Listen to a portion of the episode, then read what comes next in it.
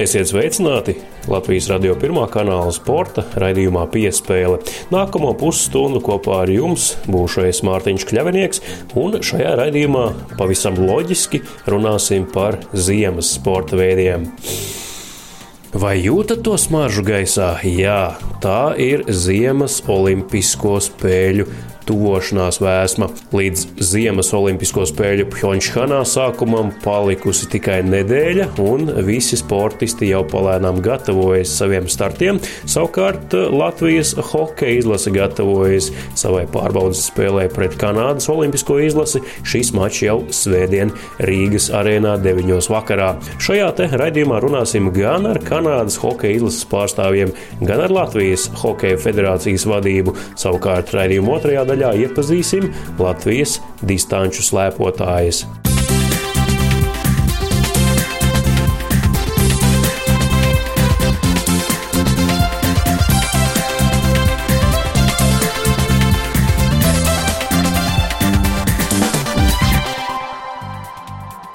Latvijas vīru hokeja izlase jau svētdien, 9. vakarā aizvadīs pārbaudas spēli ar Kanādas olimpisko sastāvu, un šoreiz Latvijas izlases treneru rīcībā būs gandrīz visi labākie Eiropā spēlējošie hokeisti.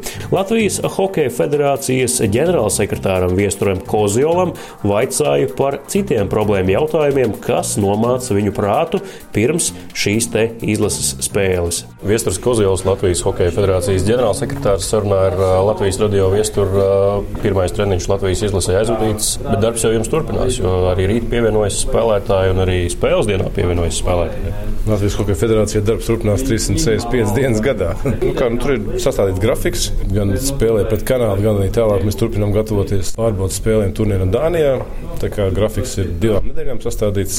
Tātad Elis Miržģīkins, teiksim tā, pēdiņās no kuģa uz bāli uzreiz. Nu, no, no, diezgan precīzi, no gaisa kuģa uz bāli ļoti precīzi. Jā.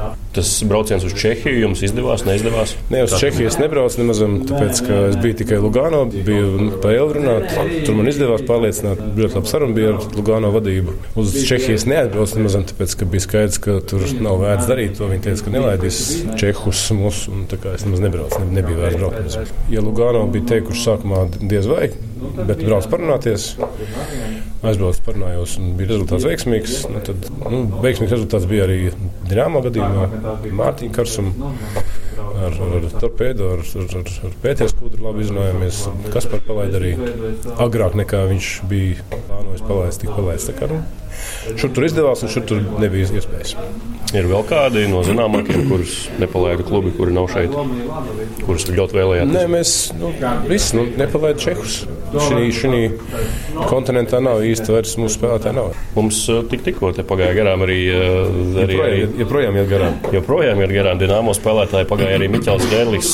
Tā viņa intervija pēc Dienāmo pēdējās spēles pirms pārtraukuma bija diezgan amizanta, ka viņš nezināja, ir viņam jābūt uz izlases treniņu vai nav. Kas tur komunikācijas kļūda, kas cits? Ko mēs darām? Mēs federācijā esot izsaukumu klubam. Klubs bija ļoti saulēcīgi informēts, kurus spēlētājus mēs izsaucam, bet es ļoti labi saprotu ģirtu, ka Girts Sankipāns, viņš šo, te, šo te sarakstu gribēja paziņot pēc spēles. Miķeli noķēra žurnālisti tieši, tieši, tieši tad, kad viņš gāja uz ģērbtuvēm, kurā ģirts paziņoja arī, nu, kura spēlētāja tad iet uz izlasi. Ja? Nu, tas bija tāds nu, pilnīgi Dienāmo kā klubs zināja, kuras spēlētāji tiek aicināti, bet nu, viņi nebija to pateikuši. Un tas ir saprotami, trenerim ir savi ap, apsvērumi, kad paziņot to sastāvu. Viņš gribēja to izdarīt pēc spēles. To viņš ir pēc spēles izdarījis. Nu, Miķels žurnāls noķēra 5 minūtes pirms tam. Kanādieši, cik šobrīd viņi piņķos gatavojoties, arī tramda pēdiņās Latvijas Hokeja federācija, vai viņi tur ir paši par sevi, viss viņiem nodrošināts, un tur viņi arī. Viņi netramda, mēs esam ļoti daudz, ļoti lielu darbu izdarījuši arī ar, jāsaka, Dienāmo palīdzību, Dienāmo atbalstu, jo Dienāmo ļoti laipni ļāva izmantot viņu ģērbtuvi. Tas darbs viņam ir organizēts, nodrošināts. Tas ir tas tāds kopdarbs ir federācijas Dienāmo un Kanādas federācijas, Kanādas Hokeja Kanāda. Net, vairs netramda. Mēs esam savu darbu izdarījuši. Kā viņiem patīk apstākļi? Viņi brauks vēl. Viņiem patīk šeit labāk nekā viņiem. Viņi tādu komplimentu izteica, ka viņiem šeit patīk labāk nekā viņiem bija pagājušajā Šveicē. Ja mēs esam konkurēti ar Šveici, tad tas ir labi. Klau, Dānijas turnīrs, kas tur īsti notiek? Mēs jau telefonā sarunā nedaudz runājām iepriekš, bet Kā tad īsti ir? Kāds ir plāns, kuri paliek ar Dienāmo, kuri brauc ar izlasi, vai to lems tikai pēc Kanādas spēles? Es, es teiktu, to vajag pagaidīt mazliet, jo tas, tas nav īsti manā kompetencijā, to, lai ap divi treneri, gan Bobs, gan, gan Dīts izdomā. Un tā mēs vakar iezīmējam, apmēram, apmēram iezīmējam, kurš kur brauc, bet ir mazliet jāpagaida, un to mēs pieņemsim lēmumu pēc tās Kanādas spēles. Bet tad tie pārējie kontinentālās hokeja līnijas pārstāvji, viņi paliek ar izlasi un brauc arī uz Dāniju. Ne, viņi nevar braukt, viņi brauc apkārt saviem klubiem. Domāju, Mārtiņš un Jā. Kaspars, ne, ne, viņi brauc apkārt saviem klubiem. Nav vērts pārbaudīt Dānijas turnīrā ne Mārtiņu Karsumu, ne, ne Kasparu Daugovu, ne Elvis Mezlīki. Nu, tas nav mūsu plāns, un to mēs, negribam darīt. Mēs mēģinām un darīsim tā, ka mēs esam, mēs esam izsaukuši klāt vēl papildus uh, cilvēkus no, no, no, no Eiropas, ko mēs neesam redzējuši. Kas tie būs Francijas līnijas pārstāvji? Jā, tie ir Francijas līnijas pārstāvji, Parmrenko Maksims tur būs, būs Čehi. Oskars būs, Rāvs būs, būs uh, Andris Čeriņš, būs Roberts Bukars. Būs. Cerams, ka Kirillo arī palaidīs, atlaidīs tam bija jau. Nu, un, un atkarībā no tā, kur dināmo spēlētāji paliks mūsu rīcībā, kur brauks Davos. Vārdsargs Ivars Purinovs būs Rihards. Brauks arī kā otrs vārdsargs. Brauks divi vārdsargi? Jā, ar vienu būs grūti. Vai vienu varētu būt pagrūti? Jā maratonā, kad tu skrieni distances laikā, ja kāds tev vēl uzmundrina un nosauc tavu vārdu, tu to dzirdi. Pirmā uzvara bija tad, kad es biju pionieru nometnē, tas bija 66. gadā, es vinnēju bumbiņu mešanu. Ja latviešu prātus nomāca tas, kā sabalansēt gan Latvijas izlases, gan arī Rīgas dīnāmo intereses gaidāmajā pārbaudas turnīrā Dānijā, tad savukārt Kanādas hokeja izlasē ir pavisam citas problēmas. Mūsu ārštata autors Māris Bergs tikās ar Kanādas izlases ģenerālmenedžeri, leģendāro vārtu sargu Šonu Burku, kurš reiz sargājis arī Kanādas izlases vārtus pasaules čempionāta mačā pret latviešiem, un arī izlases galveno treneri NHL speciālistu Viliju Dežardēnu. Divas olimpiskās spēles, pieci pasaules čempionāti un 19 sezonas NHL. Kanādas Olimpiskās hokeja izlases ģenerālmenedžeris Šons Burks savas karjeras laikā ir redzējis visu, ko hokejs var piedāvāt. Sarunā ar Latvijas radio viņš pastāstīja par savu darbu, gatavojoties četru gadus lielākajam sporta notikumam. Kādas bija jūsu pirmās sajūtas, kad jums piedāvāja Kanādas hokeja izlases ģenerālmenedžera amatu? Well, played, uh, es biju ļoti pagodināts. Gadu gaitā vairākas reizes pats esmu spēlējis Kanādas izlasē, un es to saskatīju kā lielisku iespēju un izaicinājumu, bet tas bija liels gods, kad man piedāvāja šo darbu. Vai piedāvājumu bija nepieciešams apdomāt? Apdomāt, vai tomēr uzreiz piekritāt? You know, the, uh, Nē, man par to nevajadzēja domāt. Man bijusi lieliska pieredze pašam piedaloties divās olimpiskajās spēlēs. Uh, es zināju, ka tā būs unikāla pieredze, ņemot vērā šo spēļu īpatnības. Tāpēc tas bija liels izaicinājums, kas padarīs mani labāku un dos iespēju strādāt kopā ar daudziem lieliskiem hokeja speciālistiem. Un, uh, protams, iespēju atkal doties uz olimpiskajām spēlēm. Šoreiz jāiztiek bez NHL hokeistiem. Kāda bija jūsu pirmā reakcija, kad NHL aizliedz ieteica saviem spēlētājiem braukt uz Koreju? Well, think, like people, uh, you know, kā visi citi, es biju nedaudz pārsteigts. Šķita, ka NHL atradīs veidu, kā spēlētājus palaist uz olimpiādi, bet personīgi man, treneriem un hokeistiem tā ir lieliska pieredze un iespēja. Varbūt tas bija mazliet pārsteidzoši, bet dziļi sirdī mēs visi cerējām, ka šī uh, iespēja radīsies. Gatavoties Olimpiskajām spēlēm, jums daudz nācies ceļot pa Eiropu un meklēt spēlētājus Eiropas līgās. Pastāstiet, kā šis darbs notika? Plāns bija atrast visus iespējamos spēlētājus un pēc tam viņus vērot cik vien bieži iespējams. Mēs gribējām, lai katram no hokeistiem būtu iespēja iekļūt komandā. Uh, Protams, ceļošana un došanās uz atsevišķām vietām vērot spēlētājus radīja problēmas, bet mums bija pieci pārbaudas turnīri, arī treneri veica spēlētāju izpēti, tāpēc domāju, ka mums izdevās hokeistus izpētīt kā pienākas. Kādas prasmes un raksturu iezīmes jūs meklējāt savos savos hokeistos? I think like all teams, you know, you look at Kā visas komandas, vispirms gribam atrast labākos spēlētājus, vismeistarīgākos hokeistus, kuri spēj spēlēt svarīgās spēlēs un nebaidās no spiediena, ko uzliek dalība olimpiādē.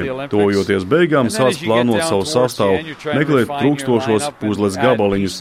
Skatoties uz mūsu komandu, mums ir ļoti mobila aizsardzība. Visi aizsargi teicami slido. Mūsu uzbrucēji ir meistarīgi, bet viņi nekautrēsies kādu ietriekt bortā.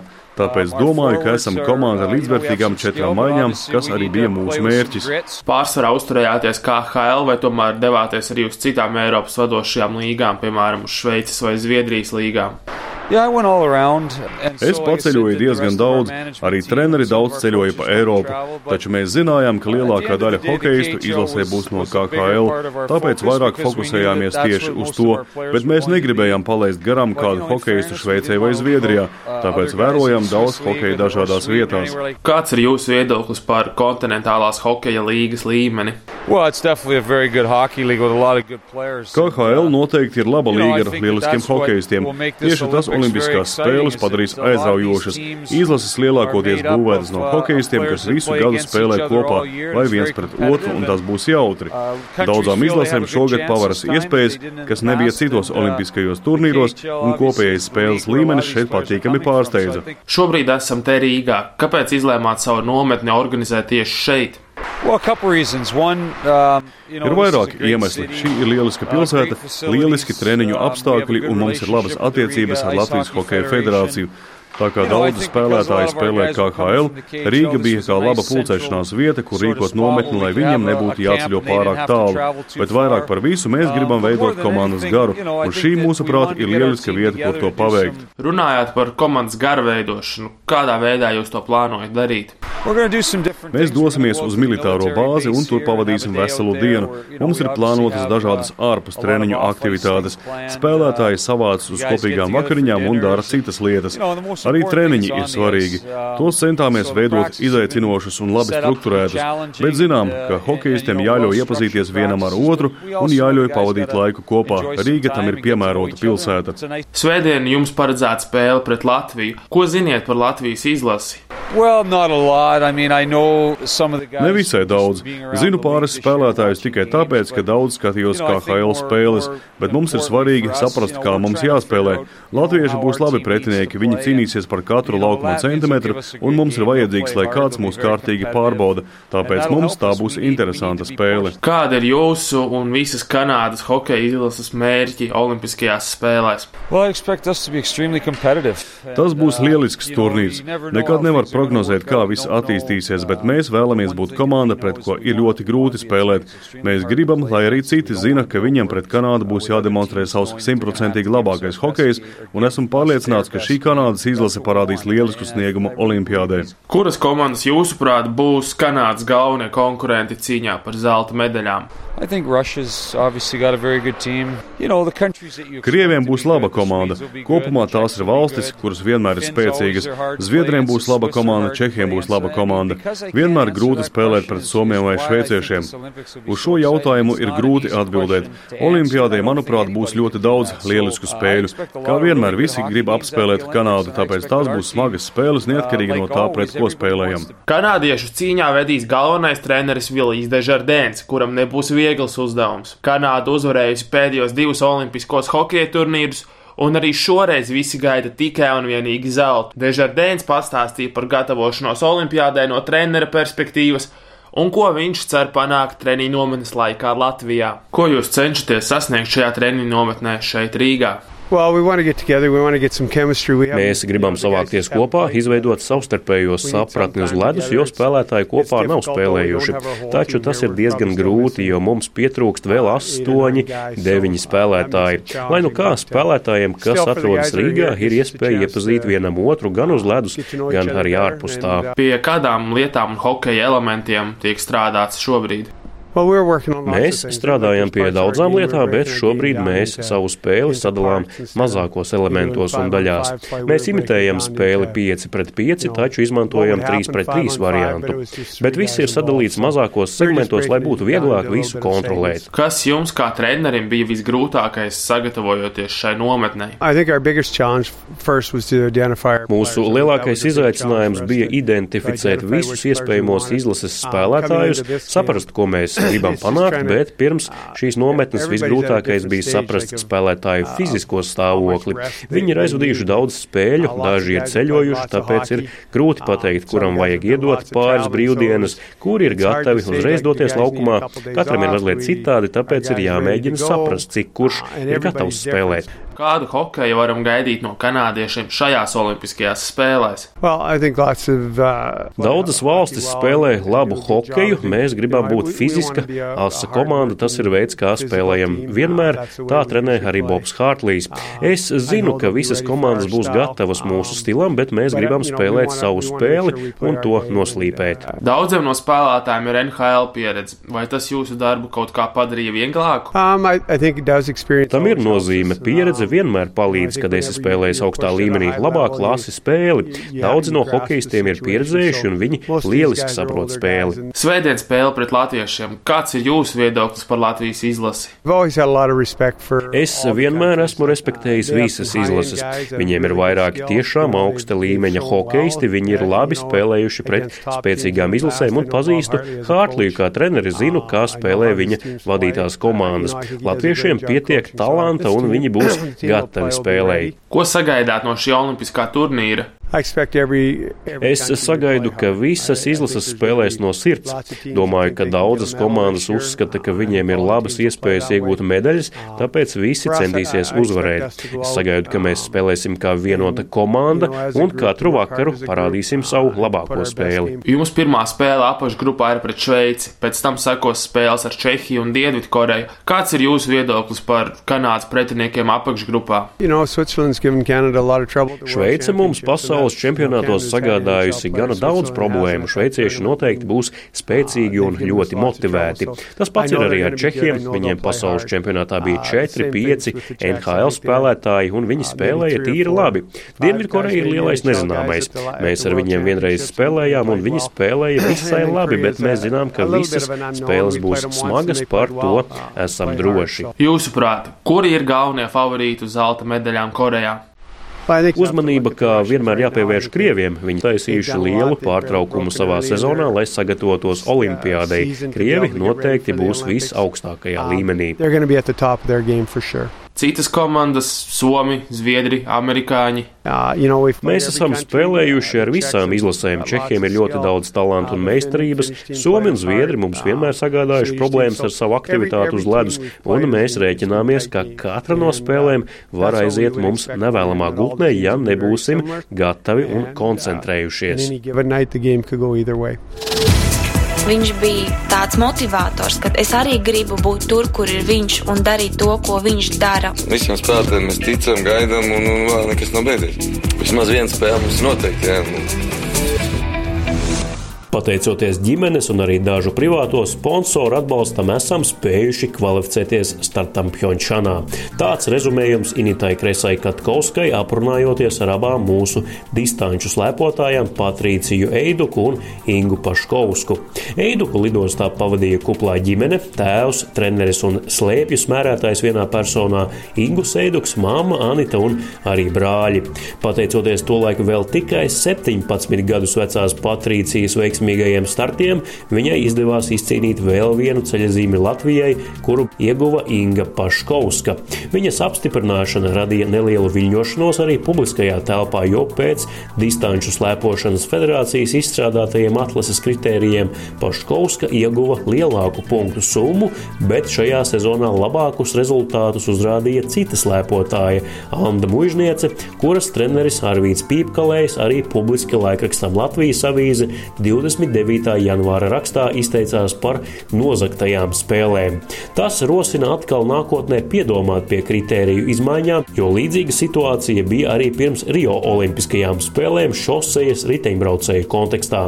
Piespēles turpinājumā mana kolēģe Inita Krēsa Katkovska lidostā pavadīja abas slēpotājas.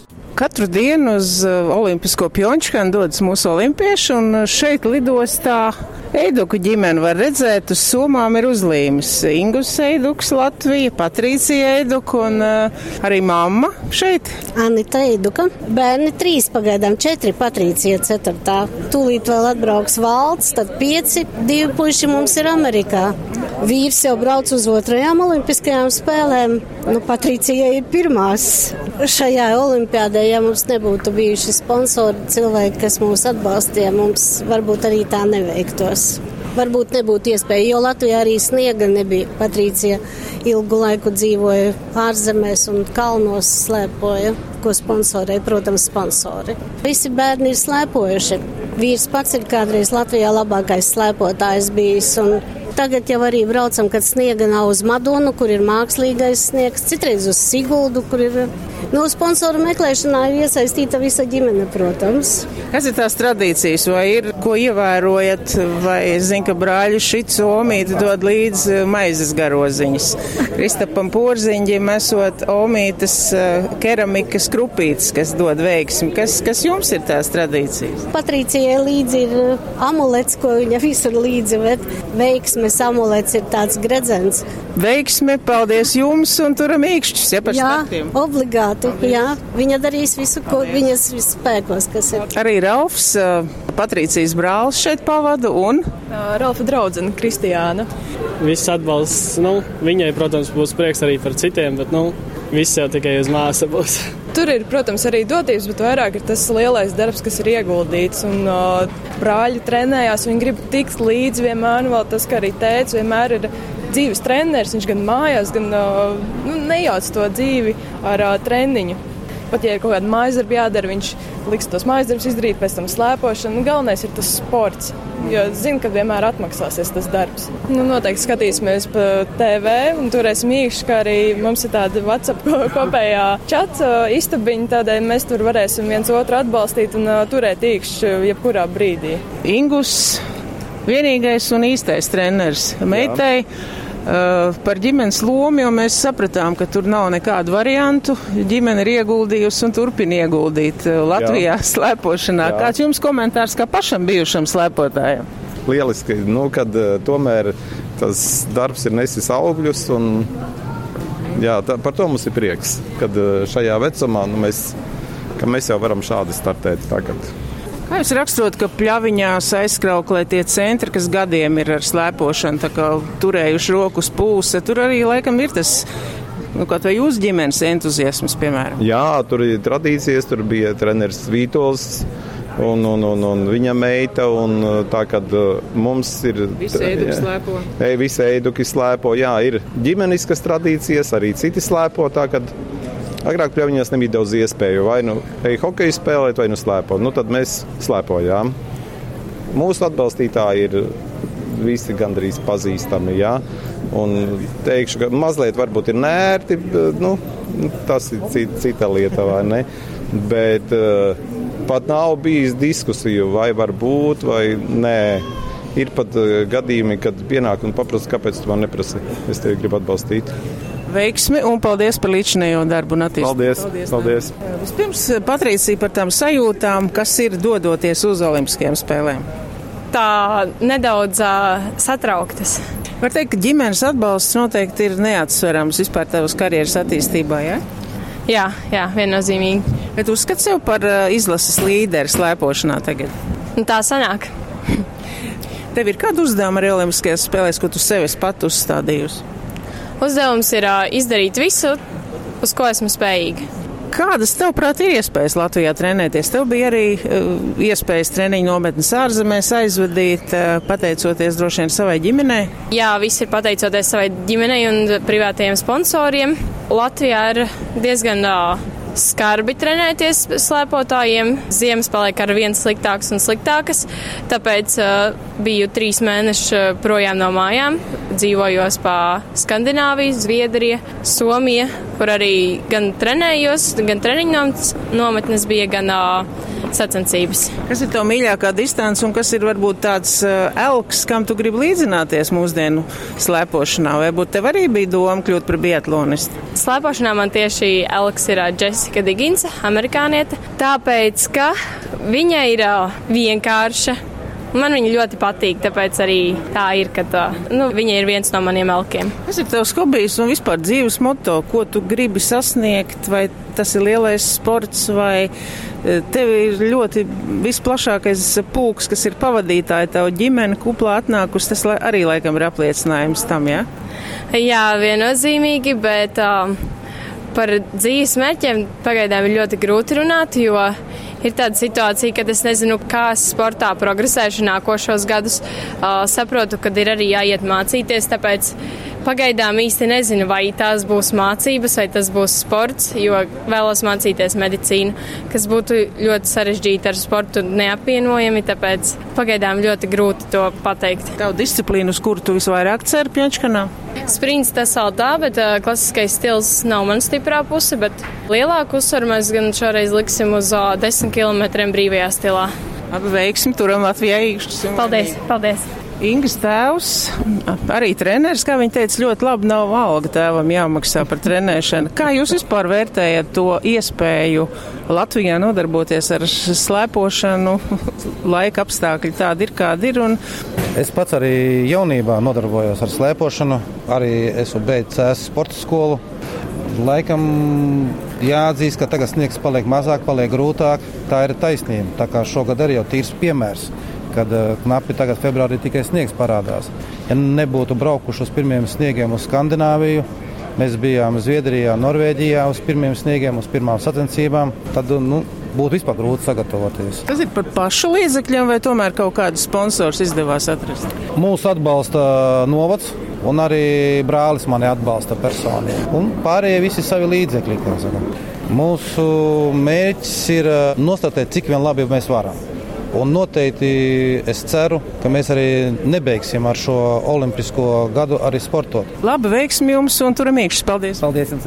Vispirms par to sajūtu, kāda ir dodoties uz Olimpiskajām spēlēm. Tās droši vien vairāk ir teorētisks sajūtas, kā tas ir. Pagaidām vēl ir ļoti grūti noticēt, kad vispār es dodos. Vai īpaši gatavojies tieši, lai iekļūtu Olimpiskajā komandā, vai nu, tas bija vienkārši tāds mērķis pierādīt, ka šos sezona ir jāstartē un jāpanāk?